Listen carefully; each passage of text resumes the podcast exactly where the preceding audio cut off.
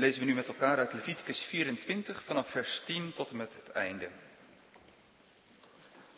En er ging de zoon van een Israëlitische vrouw uit, die in het midden van de kinderen Israëls de zoon van een Egyptische man was. En de zoon van deze Israëlitische en een Israëlitisch man twisten in het leger. Toen lasterde de zoon der Israëlitische vrouw uitdrukkelijk de naam en vloekte. Daarom bracht zij hem tot Mozes. De naam nu zijner moeder was Selomit, de dochter van Dibri, van de stam van Dan. En ze leidden hem in de gevangenis, opdat hem naar de mond des Heren verklaring geschieden zou. En de Heere sprak tot Mozes, zeggende, breng de vloeker uit tot buiten het leger.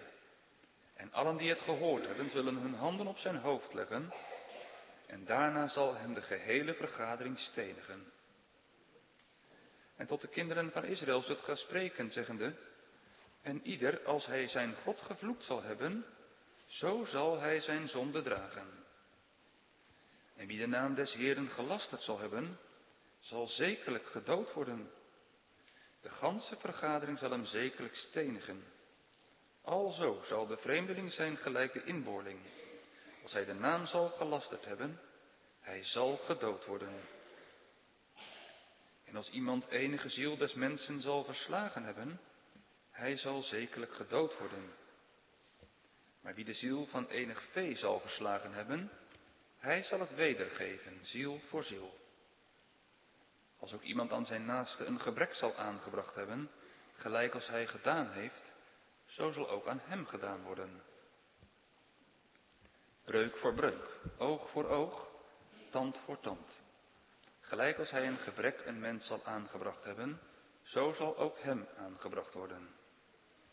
Wie dan enig vee verslaat, die zal het weergeven. Maar wie een mens verslaat, die zal gedood worden. Enelei recht zult ge hebben. Zo zal de vreemdeling zijn als een inboorling. Want ik ben de Heere, uw God. En Mozes zei tot kinderen Israëls, dat zij de vloeker tot buiten het leger uitbrengen en hem met stenen stenigen zouden.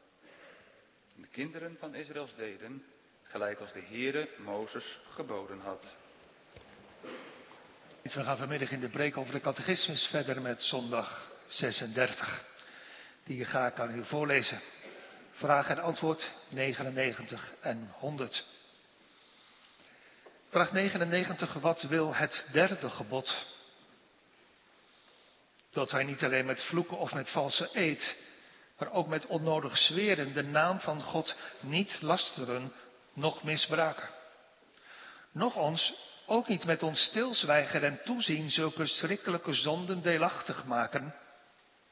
En, in het kort, dat wij de heilige naam van God anders niet dan met vrees en eerbied gebruiken, opdat Hij van ons recht beleden, aangeroepen en in al onze woorden en werken geprezen worden. Vraag 100.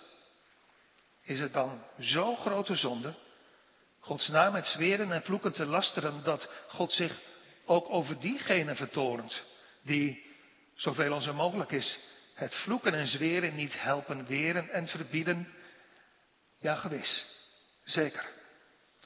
Want er is geen groter zonde, noch die God meer vertorent, dan de lastering van zijn naam waarom hij die ook met de dood te straffen bevolen heeft. Tot zover zondag 36. Het thema voor de preek van vanmiddag, en dat is een citaat uit de berijmde tien geboden waar we uit gezongen hebben. Het thema is misbruik geen zins de naam des Heer. Twee punten. De inhoud van het derde gebod Vraag en antwoord 99. En als laatste straks kort de waarschuwing van het derde gebod. Vraag en antwoord 100. Maar eerst even de letter van het gebod zelf. Gij zult de naam des Heeren uw Gods niet ijdelijk op een ijdele manier gebruiken, want de Heer zal niet onschuldig houden die zijn naam ijdelijk gebruikt. Jongens en meisjes, iedereen van ons heeft een naam. Die hebben je vader en moeder, voordat je werd geboren, samen bedacht. Sommige kinderen zijn vernoemd naar hun opa of oma.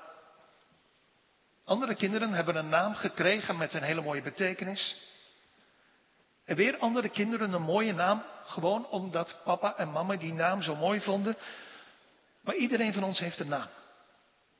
En die naam heb je ook echt nodig, want als iemand je naam roept, weet je dat je kijken moet. Vanmiddag gaat het om de naam van de Heer. En dat is niet zomaar een toevallige naam die mensen bedacht hebben. Trouwens, het is goed om erop te letten, we hebben dat vaker gezien samen, dat namen in de Bijbel een betekenis hebben. Samuel betekent, ik heb hem van de Heere gebeden. Elia, je weet wel, de profeet, zijn naam betekent, mijn God is de Heere. De naam Micha betekent, wie is als God? De naam Bartimaeus, daar ging het vanmorgen over, betekent, weet je het nog? Zoon van een onreine vader. Judas bijvoorbeeld, andere naam, betekent Godlover. Die betekenissen die klopten niet altijd. Judas, Godlover, dat klopte bij die man, die apostel Judas, die die brief schreef waar we het pas over gehad hebben. Maar dat klopte niet, dat weet je, bij Judas Iscariot. Die loofde God niet, maar die verraadde de Heer Jezus. Maar nu vanmiddag gaat het over de naam van de Heer. Wie heeft, wat denk je, wie heeft aan de Heer een naam gegeven? En waarom was dat eigenlijk nodig dat de Heer een naam zou hebben? Niet om verschil te maken tussen de Heer en andere goden, want er is maar één Heer, er is maar één God. Je kan de Heer niet zien, maar ja, is er wel. Hij zegt zelf van zichzelf, ik ben God en, en niemand meer. Waarom heeft de Heer een naam? Om ons mensen te helpen. Daarom heeft de Heer zichzelf een naam gegeven. Zodat wij mensen zouden kunnen weten wie de Heer is. Door de naam van de Heer kunnen we en mogen we Hem leren kennen precies zoals Hij is. Want Zijn naam zegt ons wie Hij is. Wij zeggen ook wel, de naam van de Heer, dat is, dat is Zijn wezen. Zo is God. Betekent tegelijkertijd ook als je zijn naam beledigt, dan beledig je dus de Heere zelf. Heere, zo noemde de Heere zichzelf. Dat zei hij tegen Mozes bij de brandende braambos. Heere, geschreven met vijf hoofdletters in onze Bijbel, het is zijn grootste naam. Heere of Jehovah. En aan Mozes, je moet het thuis maar eens nalezen in Exodus 3. Aan Mozes legde de Heer toen uit wat die naam betekent. Dat staat in Exodus 3. Zegt Mozes, die naar Egypte teruggestuurd wordt om de kinderen van Israël uit Egypte te leiden. Daar zegt Mozes tegen de Heer, als dat volk Israël straks aan mij zal vragen, zeg, wie heeft je eigenlijk gestuurd? Hoe is zijn naam? Heren, wat moet ik dan tegen ze zeggen? En dan staat er dit in de Bijbel. En God zei tot Mozes, wie? Ik zal zijn die ik zijn zal. Ook zei de Heer, alzo zult u tot de kinderen Israëls zeggen, ik zal zijn, heeft mij, Mozes, naar u toegestuurd. Ik, de Heere, ben die ik ben. Ik zal zijn die ik zijn zal.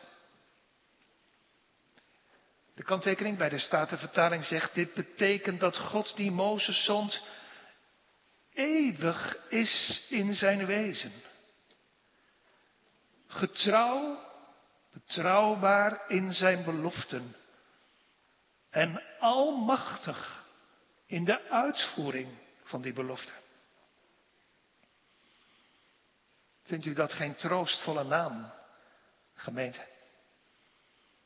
Heer is echt, zoals hij zichzelf genoemd heeft. Ik was er altijd. Ik ben er. En ik blijf altijd trouw denkend aan mijn belofte, aan mijn verbond. En later, als diezelfde Mozes op de berg Sinaï is, hoort hij nog een keer hoe de Heere zichzelf noemt ook thuis maar nalezen, Exodus 34, dus Exodus 3 en Exodus 34. Daar staat, de Heer nu kwam nederwaarts in een wolk en stelde zich al daar bij hen, bij Mozes. En hij, de Heer zelf, riep uit de naam des Heeren. Als nu de Heere voor zijn aangezicht voor Mozes voorbij ging, zo riep hij zijn naam. Heere, Heere. God, barmhartig en genadig, langmoedig en groot van weldadigheid en waarheid. Jongens en meisjes, zo heet onze God. En zo is onze God. Trouw, betrouwbaar in wat Hij beloofd heeft. Machtig almachtig om die belofte uit te voeren. En hij heeft een brandend hart van medelijden. Hij is genadig in de vergeving van zonde. Hij is geduldig voor zondige mensen, traag zich de Bijbel tot toren, groot in liefde en trouw, door en door betrouwbaar. En die grote naam, staat met de waterdruppels van de doop op je voorhoofd geschreven. De naam Heer. Je bent, jongens en meisjes, jongelui, naar de naam van de Heer genoemd. Dat wil zeggen, je draagt je leven lang, wat er ook gebeurt, de belofte van de Heer met je mee. Dat Hij jouw God wil zijn. Ooit ben je van hem weggelopen. En misschien doe je het nog wel steeds, iedere dag. Maar, en dat zegt die naam op je voorhoofd, van de kant van de Heer houdt niets je tegen om terug te komen. Als een verloren zoon en als een verloren dochter. De Heer wacht op je. Die naam. Die grote naam, die die zoveel betekent. De naam van de Heere uw God mag u niet ijdel gebruiken. Letterlijk niet tot ijdelheid optillen, opheffen. Niet zomaar zinloos op je lippen nemen. Niet doelloos gebruiken, maar alleen tot het doel waarvoor de Heer zichzelf die naam gegeven heeft en die naam aan ons heeft bekendgemaakt. Want, zegt de Heer, de Heer zal niet onschuldig houden die zijn naam ijdel gebruikt. Eigenlijk is dat een beetje een verkleinende uitdrukking, die de zaak des te meer onderstreept. Vergelijk maar met wat wij ook eens zeggen. Als je dat zegt, dan ben je nog niet jarig. Ik zal, die zal ik niet onschuldig houden. Dat betekent zoveel als dan staat je, als je dat wel doet, als je mijn naam lastert, dan staat je echt iets te wachten. Wat dan? Nou, dat hebben we gelezen uit Leviticus 24. Waar de Heere zegt, wie de naam des Heeren gelasterd zal hebben, zal zekerlijk gedood worden. Dat geeft iets aan van de zwaarte, van het gewicht van die derde gebod. We gaan naar de letter van het gebod, nu naar vraag en antwoord 99, naar de inhoud van het gebod, waarin een aantal kernwoorden opvallen. Dat wij niet alleen met vloeken, is het eerste kernwoord, kernwoord, of met valse eed maar ook met onnodig zweren, dat komt volgende week of de volgende keer bij Levende Welzijn. De naam van God niet lasteren, tweede kernwoord, nog misbruiken, nog ons met ons, derde kernwoord, stilzwijgen en toezien zulke schrikkelijke zonden deelachtig maken. Dus het eerste kernwoord is vloeken. Je kan ook zeggen het misbruiken, het absoluut verkeerd gebruiken van de naam van de Heer vloeken. Ja, je zegt, zo, zo zijn wij niet. Wij vloeken niet. Thuis niet, op school niet. Nergens. Gelukkig. Maar even goed om, om met me verder na te denken. Want er zijn niet alleen grote vloeken, maar het kan ook anders. Ik noem een paar voorbeelden. Je kan, dat is net zo goed vloeken, de naam van de Heer ook afkorten. Je zegt het niet helemaal als een vloek, maar een beetje voor de helft. Jezus. Dat laatste laat je weg en je zet het je achter. Klinkt wat beter, denk je. Of God. Maar die D, uitgesproken als een T, die laatste letter laat je weg. Moet je echt zeg hem maar vragend. Moet je echt de naam van God en de naam van Jezus gebruiken om, om je verbazing, om je schrik of om je onvrede te uiten? Meng je zo ook de naam van je vader of moeder of van je vriend of vriendin door je verhalen heen? Nee, zeg je, dat zou onaardig zijn. Dat zou eigenlijk een belediging zijn. Het kan dat is ook vloeken. Ook door de woorden van de Heer uit de Bijbel als, als grappig aan te halen. Door Bijbelteksten te gebruiken om mensen aan het lachen te krijgen. En leuk te zijn. Eerste kernwoord, vloeken. Tweede, wat ik zei al, eet zweren, komt beleven en welzijn de volgende keer. Het tweede kernwoord is lasteren. Laster wil zeggen dat je iemands goede naam expres naar beneden probeert te halen. Dat gebeurde ooit in Israël. Toen het volk op weg was naar Canaan, we hebben het gelezen uit Leviticus 24, midden in een ruzie tussen twee mannen, staat er in Leviticus 24, en er ging de zoon van een Israëlitische vrouw uit die in het midden van de kinderen Israëls de zoon was van een Egyptische man, dus een Israëlitische moeder en een Egyptische vader, en de zoon van deze Israëlitische en een andere Israëlitische man twisten, maakte ruzie met elkaar in het leger. En, dan komt het, toen lasterde de zoon van de Israëlitische vrouw nadrukkelijk de naam en vloekte. Letterlijk staat er in het Hebreeuws, hij doorpriemde. Hij stak in de naam van Jehovah. Er gaat een schok van ontzetting door het leger. Dit is nog nooit gebeurd. Dan voel je, als ik dat zeg tegelijkertijd, hoe wij daar aan gewend zijn geraakt. Hier in Israël beeft men nog voor de heiligheid van de namen van de Heer. Mozes vraagt aan de Heer wat ze moeten doen. En de Heer geeft als antwoord, breng die vloeker uit tot buiten het leger. En iedereen die het gehoord heeft zal zijn handen op zijn hoofd leggen. En daarna zal hem de hele vergadering stenigen.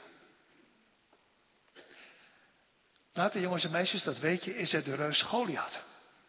Veertig dagen lang, twee keer op een dag, vloekt hij, lastert hij de naam van de God van Israël. Weer later in de geschiedenis is er Rapsake, de Assyrische generaal, die de naam van de Heere lastert. Hij zegt tegen het volk van Israël, jullie God is echt heus niet zo machtig als dat je denkt. Die is heus niet in staat om jullie te redden uit de hand van mijn koning Sanherib. Lasteren is openlijk beledigen. En de straf van de Heere daarop is zwaar. In het leger van de Assyriërs doodt de Heere 185 soldaten. En nog veel later is er een man die terugkijkend naar zijn eigen leven zegt in 1 Timotheus 1, vroeger was ik ook een godslasteraar, een vloeker. Wie was het? De apostel Paulus. Hij schrijft twintig jaar na zijn bekering, ik was een godslasteraar. Dat is bijzonder, toch? Paulus was vroeger een hele nette man. Die heeft vast nooit zomaar gevloekt. Maar toch, blijkbaar kan dat. Dat je in de kerk zit, staat, meeleeft, meedoet, maar toch, toch de naam van de Heer niet gebruikt zoals door de Heer bedoeld toch de naam van de Heer lastert. Hij zegt, ik was tevoren een godslasteraar en een vervolger en een verdrukker. Maar, en dat tekent niet Paulus, maar onze God. Maar aan mij, mij is barmhartigheid geschied. Vloek je ook wel eens? Of misschien wel vaker? Steekt u ook wel eens de gek met Gods woord? Met de Heer zelf, soms, of misschien wel vaak. Je kunt, u kunt net als Paulus barmhartigheid, genade, vergeving van God krijgen. Zelfs voor, juist voor die grote zonde. De naam van de Heer misbruiken dat kan je grof doen, maar ook minder opvallend. Zodat je zelf of andere mensen er niet zo van schrikken, zoals destijds in het voorbeeld dat ik noemde in de woestijn bij Israël. De dominee preekt, spreekt woorden van God, maar je luistert niet. Het is geen belediging van mij. Dat is een belediging van de Heer. Hebben we thuis aan tafel, of op de categorisatie, of op school, uit de Bijbel gelezen en gebeden. Maar je doet niet mee. Dat is een belediging van de Heer. Dat is een belediging van de Heilige God.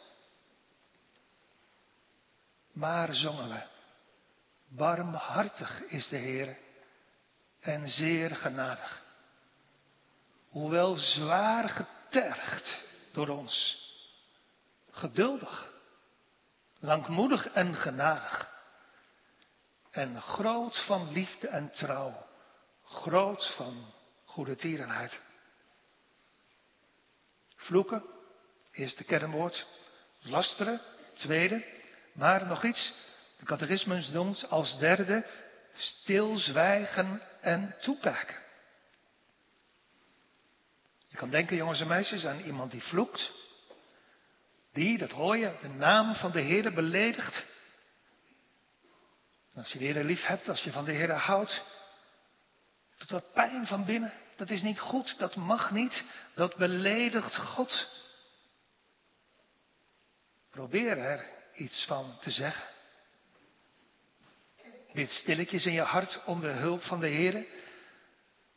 Dat hij je woorden zal geven om iets te zeggen, zodat het zal stoppen. En tegelijkertijd ook voorzichtig. Zodat de naam van de Heer door de mond van die vloeken niet nog meer gelasterd en beledigd zal worden. En tegelijkertijd proberen om dat niet het enige te laten zijn. De positieve kant is, jongelui, spreek alsjeblieft goed van de Heer. Als je in je studie, op je stageadres, op school of op je werk alleen maar reageert op vloeken van mensen, mis je heel veel goede gelegenheden. Vertel op goede, op gunstige momenten. De Bijbel zegt, het hart van die, degene die wijs is, kent tijd en wijze. Goede moment en de goede manier. Zeg op goede momenten en op een goede manier wat de Heer en zijn dienst voor je betekenen.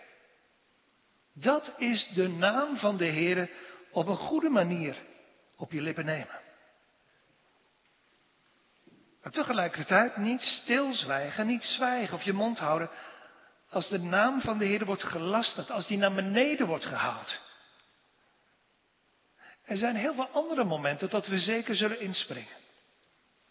Als iemand op, straat in elkaar wordt geslagen, dan doe je iets. Als ik zie dat mijn fiets wordt gestolen, dan doe ik iets. En dus als we horen dat de naam van onze Heer gelasterd wordt, mogen we niet zwijgen. Stilzwijgen, daar gaat het hier over, als er gevloekt wordt. Maar je kan ook letterlijk zelf de naam van de Heer helemaal stilzwijgen. Helemaal zwijgen over de naam van de Heer. Thuis, op school, op je werk en zelfs in de kerk. Waar je heel druk bezig kan zijn met allemaal mooie en goede dingen. Terwijl je nooit iets zegt over onze goede God. Lieve mensen, is dat geen diepe belediging van de naam van de Heer? Als je wel christen heet, als je jezelf wel als christen voordoet, maar tegelijkertijd in het dagelijkse leven doet alsof God gewoon niet bestaat. Wil je als christen in deze wereld leven, jongelui? Begin dan hiermee. Twee dingen. Als eerste laat merken, laat merken, laat voelen, laat blijken dat God werkelijkheid is in je leven. Presenteer je christelijke geloof niet altijd in het negatieve. Dit mag niet en dat mag ik ook niet. Maar laat zien alsjeblieft dat je geloof waarde voor je heeft. En dat het ook echt de liefde van je hart heeft. Dat je God dankbaar bent voor wat je krijgt. Voordat je je examen hebt gehaald. Voordat je beter bent geworden terwijl je voorheen ziek was. Voordat je naar de kerk mag gaan. Voordat de Bijbel de schat is van je hart.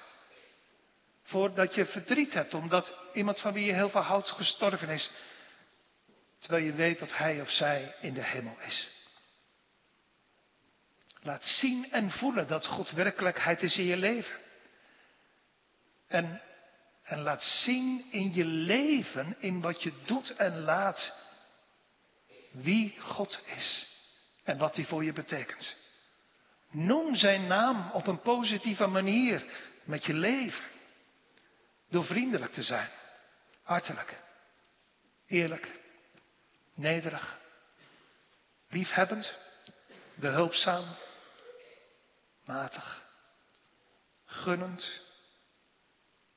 Zwijg niet over God. In woorden, als er een goed moment is en een goede manier. En, niet vergeten, in je leven. Niet vloeken, zegt de catechismus, niet lasteren, niet zwijgen. Maar, dan ligt de vraag voor de hand, wat dan wel? Nou, dat staat verderop in antwoord 99. En daar zit ook een paar kernwoorden in. Dat wij de heilige naam van God niet anders, eerste, dan met vrees en eerbied gebruiken. Opdat hij door ons recht beleden, tweede kernwoord, wordt aangeroepen, derde kernwoord, en in al onze woorden en werken geprezen wordt. Dus vier kernbegrippen. Als eerste de naam van de Heer met vrees en met eerbied gebruiken. Niet misbruiken, daar ging het eerst over, maar wel gebruiken dus. Niet, helemaal niet gebruiken. God, met andere woorden, niet verzwijgen in je leven. Want dat is minstens een zo grote lastering van de Heer als je altijd en overal over Hem zwijgt. Als je eigen naam moet je voorstellen. En soms gebeurt dat. Als je eigen naam wordt doodgezwegen. In de familie, of dichterbij in je gezin. Je eigen naam, dat gebeurt soms, nooit wordt genoemd. Dan weet je hoe vernederend dat is. Alsof je er gewoon niet bent. Alsof je gewoon niet bestaat. Wel gebruiken dus. Maar eerbiedig staat er met vrees en eerbied. Want we weten dat wij zondaars zijn en dat onze God heilig is. De dichter van Psalm 130 zegt, als u, heren, mijn ongerechtigheden gadeslaat, dan kan ik niet voor u bestaan. Want u bent heilig en dus gebruik ik uw naam niet anders dan met vrees en eerbied. Dus jongens en meisjes, maar dat geldt ons allemaal. Eerbiedig zijn onder het bidden. Ogen dicht. Niet stiekem andere dingen doen. Netjes zitten. Maar vooral ook in je hart proberen mee te denken, mee te bidden, mee te roepen, mee te vragen om, om meer eer voor de naam van de Heer en om genade voor je hart. En eerbiedig zijn onder het lezen uit het woord van de Heer. En die woorden ook met eerbied gebruiken. De Bijbel is geen handboek om leuke grappen te maken of leuke woordspelingen te doen. Dit zijn gemeente Gods eigen woorden. Dus dat hoort ook bij het derde gebod de woorden ook van de Heer, niet alleen zijn naam, maar zijn woorden ook eerbiedigen.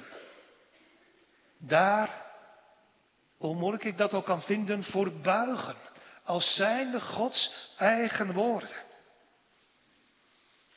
Dus niet denken en niet zeggen, ja, God zegt het wel zo, maar ja, ik denk er gewoon anders over. De Bijbel spreekt over een schepping uit niets in zes dagen. Maar ja, ik vind gewoon wat anders. De Bijbel erkent maar één samenlevingsvorm, het huwelijksverbond tussen één man en één vrouw, een verbond voor het leven. Maar ja, ik vind gewoon anders. De Bijbel verbiedt een homoseksuele verbintenis. Maar ja, dat is oud en dat zijn vergane ideeën. Wij weten ondertussen meer en beter dan Paulus. Dat is gemeente Gods woord niet eerbiedigen. Dat is zijn naam, zijn wezen niet vrezen. De naam van God staat er met vrees en eerbied gebruiken. En, tweede kernbegrip, recht, dat wil zeggen op de goede manier beleiden. Zijn naam noemen, zijn naam beleiden, eren, Thuis, op het werk, school, in deze wereld. Immers de Heer heeft gezegd, en iegelijk dan die mij zal beleiden voor de mensen, die zal ik ook beleiden voor mijn Vader die in de hemelen is. Maar zo wie mij verlogen zal hebben voor de mensen, die zal ik ook verloochenen voor mijn Vader die in de hemelen is.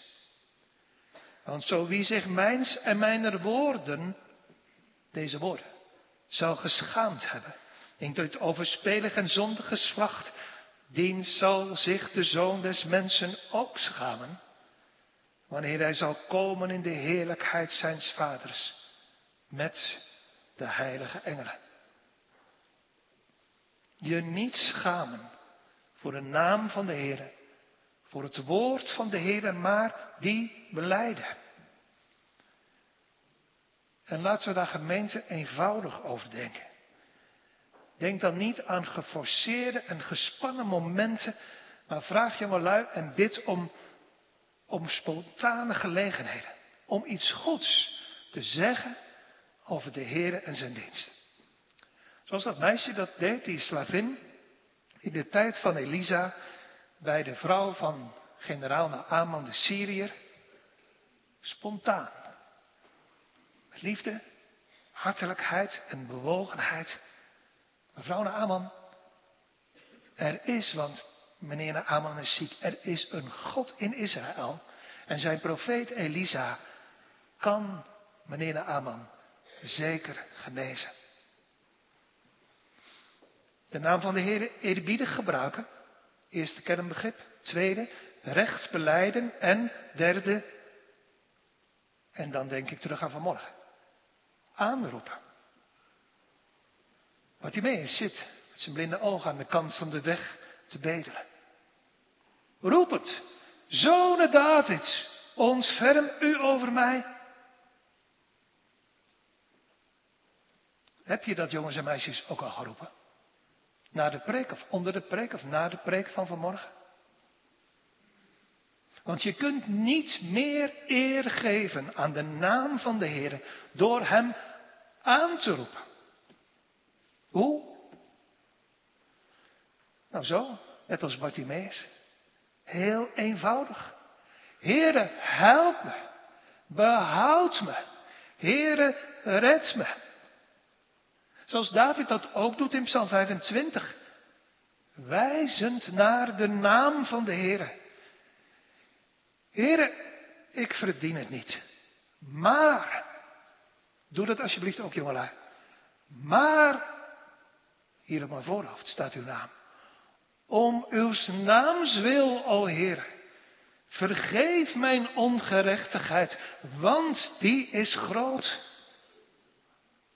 Als je zo, jongelui, de naam van de Heer aanroept, zul je zalig worden. De naam van de Heer. Eerbiedig gebruiken. Rechts beleiden, tweede kernbegrip. Aanroepen, derde.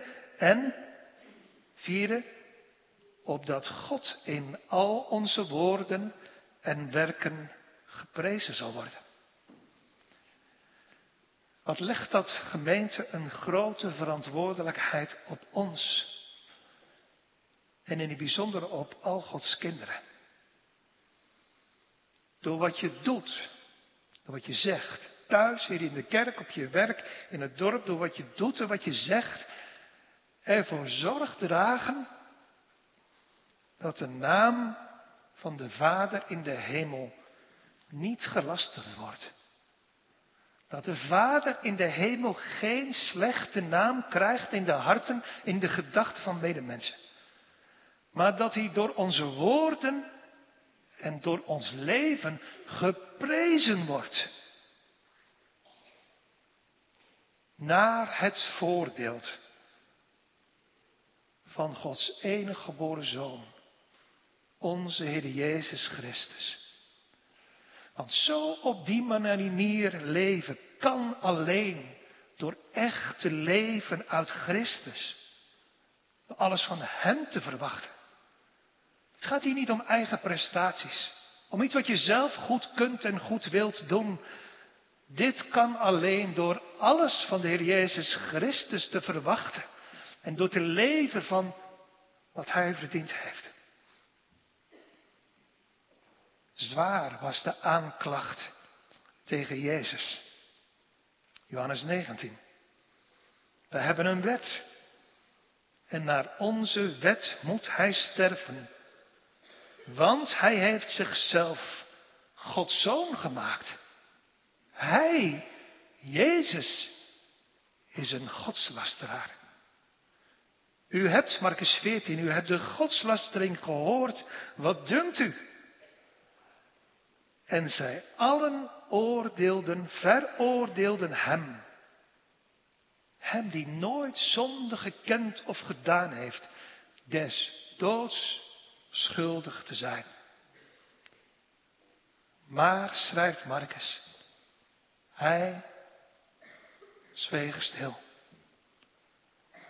Hij zweeg toen hij zwijgen moest. Maar hij sprak ook altijd als hij spreken moest. Dan verzweeg hij zeker niet de naam van zijn vader. Hij beleed het zelf in Johannes 17. Ik heb uw naam, o mijn vader, geopenbaard aan de mensen die u mij uit de wereld hebt gegeven. Maar nu hier, voor de rechtbank, waar hij aangeklaagd wordt, zwijgt hij. Hij zwijgt om godslasteraars zalig te maken. Voor mensen die vloeken. Die de naam van zijn vader en van hem misbruiken. En die stilzwijgen als dat gebeurt. Gemeente, als we door genade iets mogen kennen van dat wat Jezaja schrijft. Maar hij is om onze overtredingen. Om onze godslastering verwond. Om onze ongerechtigheden is hij verbrijzeld. En de straf die ons de vrede aanbrengt was op hem. En door zijn striemen is ons genezing geworden. Als we daar door Gods genade iets van mogen kennen, dan wordt het ons hoogste verlangen. Onze hoogste begeerte, dan doe je niets liever dan dat. Om die ene naam lief te hebben. Te eren. Hoog te houden en te prijzen. Die naam zo heilig, groot en goed. Zondag 36 eindigt met een eerlijke dreiging aan het adres van godslasteraars. u hebt gemerkt, dat heb ik geprobeerd duidelijk te maken, dat zijn niet alleen mensen buiten de kerk die in de wereld leven. Godslasteraars zitten ook in de kerk. Want lasteren is vooral iets wat je doet als je de naam kent. Je kunt zelfs dienen in het koninkrijk van God. Terwijl je een godslasteraar bent. Dat zegt Paulus toch? Later in zijn leven. Als hij daaraan is ontdekt. Maar denk ook maar aan twee andere voorbeelden uit de Bijbel. Twee priesterzonen van Aaron. Nadab en Abihu. Twee priesterzonen van Elia Hofni en Pineas. Ze dienen voor het oog de Heere als priesters bij de tabernakel. Maar met hun leven en met hun doen en laten, lasteren ze de naam van de Heer. En ze moeten het met de dood kopen. Werken in de dienst van de Heer. Amstragen zijn daar in het bankje zitten, hier op de preekstoel staan, is niet ongevaarlijk. Dat kan je dood worden. Voor mensen die je lastig vallen en je leven zuur maken, hoef je niet bang te zijn. Maar je mag broeders wel vrezen voor je eigen hart. En ik voor mezelf. Weten dat we in ons dienstwerk staan voor het oog van de heilige en alwetende God.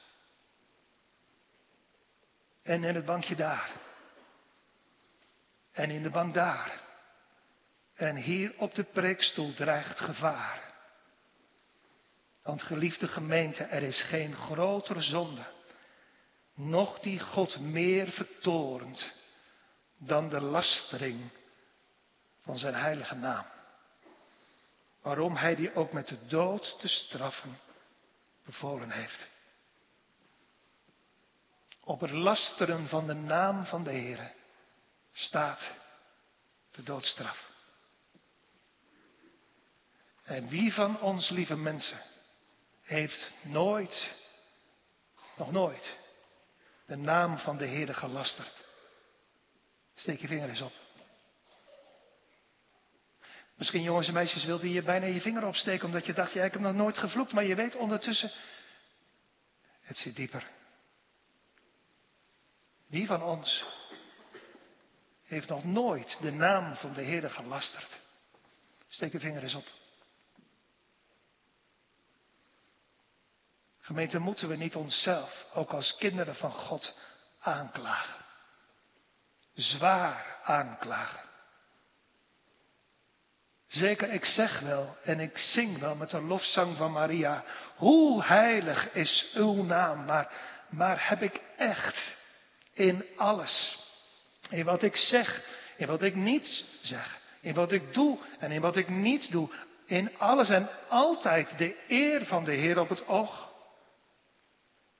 En neem ik altijd en overal de naam van de Heer op mijn lippen, zoals het moet. Tot lof en eer en glorie van Hem. Wat er overblijft aan het eind van zondag 36 is zien op het kruis. Daar hangt een zonderloze Christus. Om mij, godslasteraar, veroordeeld als een godslasteraar. Wat er overblijft is wat Petrus schrijft. Kinderen van God, geliefde mede-christenen, want hiertoe bent u geroepen, terwijl ook Christus voor ons geleden heeft, ons een voorbeeld nalatend, opdat u zijn voetstappen volgen zou. Deze voetstappen. Vader, ik heb uw naam geopenbaard voor de mensen. Wat er overblijft aan het einde van deze zondag is dit gebed. Leer mij, Heere, naar uw wil te handelen. Dan, als u me dat leert, zal ik in uw waarheid wandelen. En neig mijn hart en voeg het samen tot de vrees van uw naam. Amen.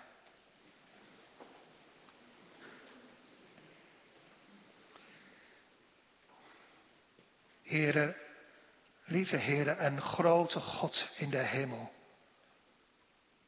Voor die grote en heerlijke naam van U. Voor wie U bent, o grote God, buigen we ons. Aan het einde van deze dienst. Met de beleidenis op de lippen van ons hart. O God, Godslasteraars. Dat zijn wij. Vergeef ons onze misdaden, Heer. Open onze ogen zodat we die zullen zien, zodat we echt met Paulus zullen zeggen, ik was tevoren een godslasteraar. Breng ons tot beleidenis, Heer, van onze dodelijke schuld. En breng ons door uw genade en door de inwoning van uw geest in ons hart tot een nieuw leven. Om meer en meer uw naam, uw grote naam, zo heilig, groot en goed, lief te hebben. Te dienen, te vrezen. Die te beleiden en daarover te spreken met eerbied en vrees. Opdat uw naam niet gelasterd zal worden, maar veel eer geprezen. Wilt u dat in ons persoonlijke leven geven, heren, maar ook in het midden van de gemeente? We kunnen Dat zit in het hart van ons allemaal, zo druk zijn met zoveel dingen, maar breng ons tot de kern van de zaak, heren. Bezig te zijn met uw naam, zo heilig, groot en goed. Bidden of u bij ons wil zijn in de week die we zijn ingegaan. Geef ons de genade om wie we ook zijn, om als christen te leven, te spreken. Op de plaats waar u ons gezet hebt. Help een ieder van ons, heren, ook in zorg en verdriet, in ziekte en rouw. Blijf bij ons, heren. En verheerlijk uw grote naam, die wij aanbidden. U, o drie enige God, zij alle eer, heerlijkheid en glorie, van nu aan tot in eeuwigheid. Amen.